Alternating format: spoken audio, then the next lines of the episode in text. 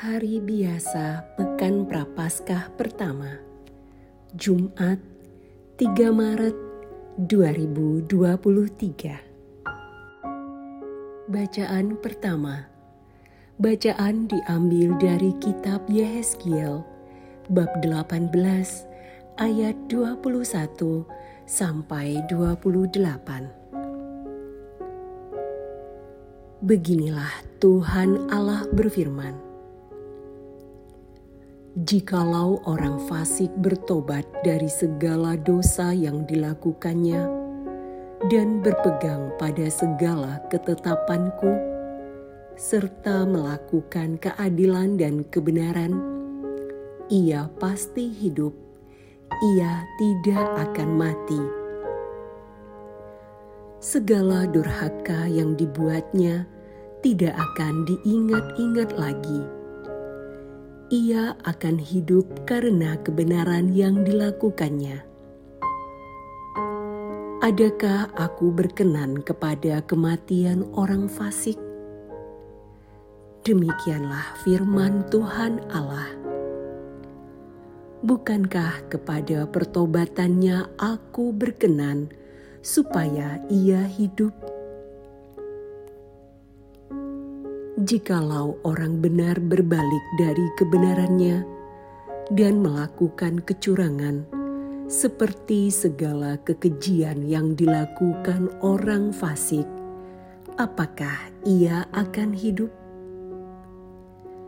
Segala kebenaran yang dilakukannya tidak akan diingat-ingat lagi.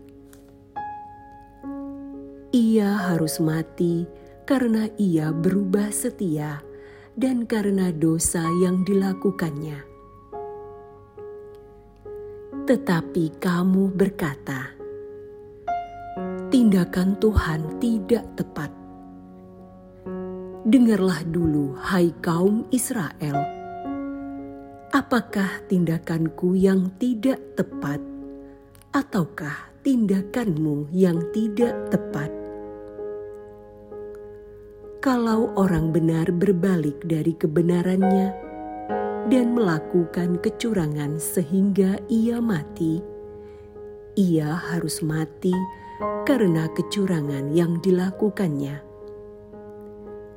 Sebaliknya, kalau orang fasik bertobat dari kefasikan yang dilakukannya, dan ia melakukan keadilan dan kebenaran, ia akan menyelamatkan nyawanya.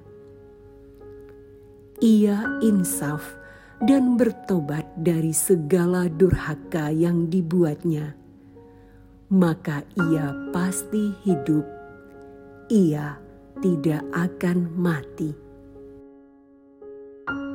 Demikianlah sabda Tuhan.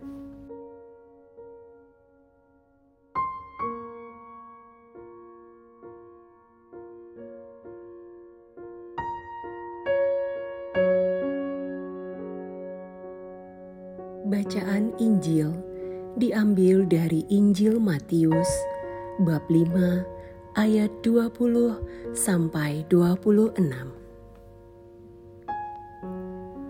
Dalam khotbah di bukit, berkatalah Yesus kepada murid-muridnya, "Jika hidup keagamaanmu tidak lebih benar daripada hidup keagamaan ahli-ahli Taurat dan orang-orang Farisi, kalian tidak akan masuk ke dalam kerajaan surga. Kalian telah mendengar apa yang difirmankan kepada nenek moyang kita. Jangan membunuh. Siapa yang membunuh harus dihukum. Tetapi aku berkata kepadamu, setiap orang yang marah terhadap saudaranya harus dihukum. Barang siapa berkata kepada saudaranya kafir, harus dihadapkan ke mahkamah agama. Dan siapa yang berkata jahil, harus diserahkan ke dalam neraka yang menyala-nyala Sebab itu, jika engkau mempersembahkan persembahan di atas mezbah, dan engkau teringat akan sesuatu yang ada dalam hati saudaramu terhadap engkau, tinggalkanlah persembahan di depan mezbah itu, dan pergilah berdamai dahulu dengan saudaramu, lalu kembali untuk mempersembahkan persembahan itu. Segeralah berdamai dengan lawanmu selama engkau bersama-sama dengan dia di tengah jalan, supaya lawanmu itu jangan menyerahkan engkau kepada hakim, dan hakim itu menyerahkan engkau kepada pembantunya, dan engkau dilemparkan ke dalam penjara. Aku berkata kepadamu, sesungguhnya engkau tidak akan keluar dari sana sebelum engkau membayar hutangmu sampai lunas. Demikianlah sabda Tuhan.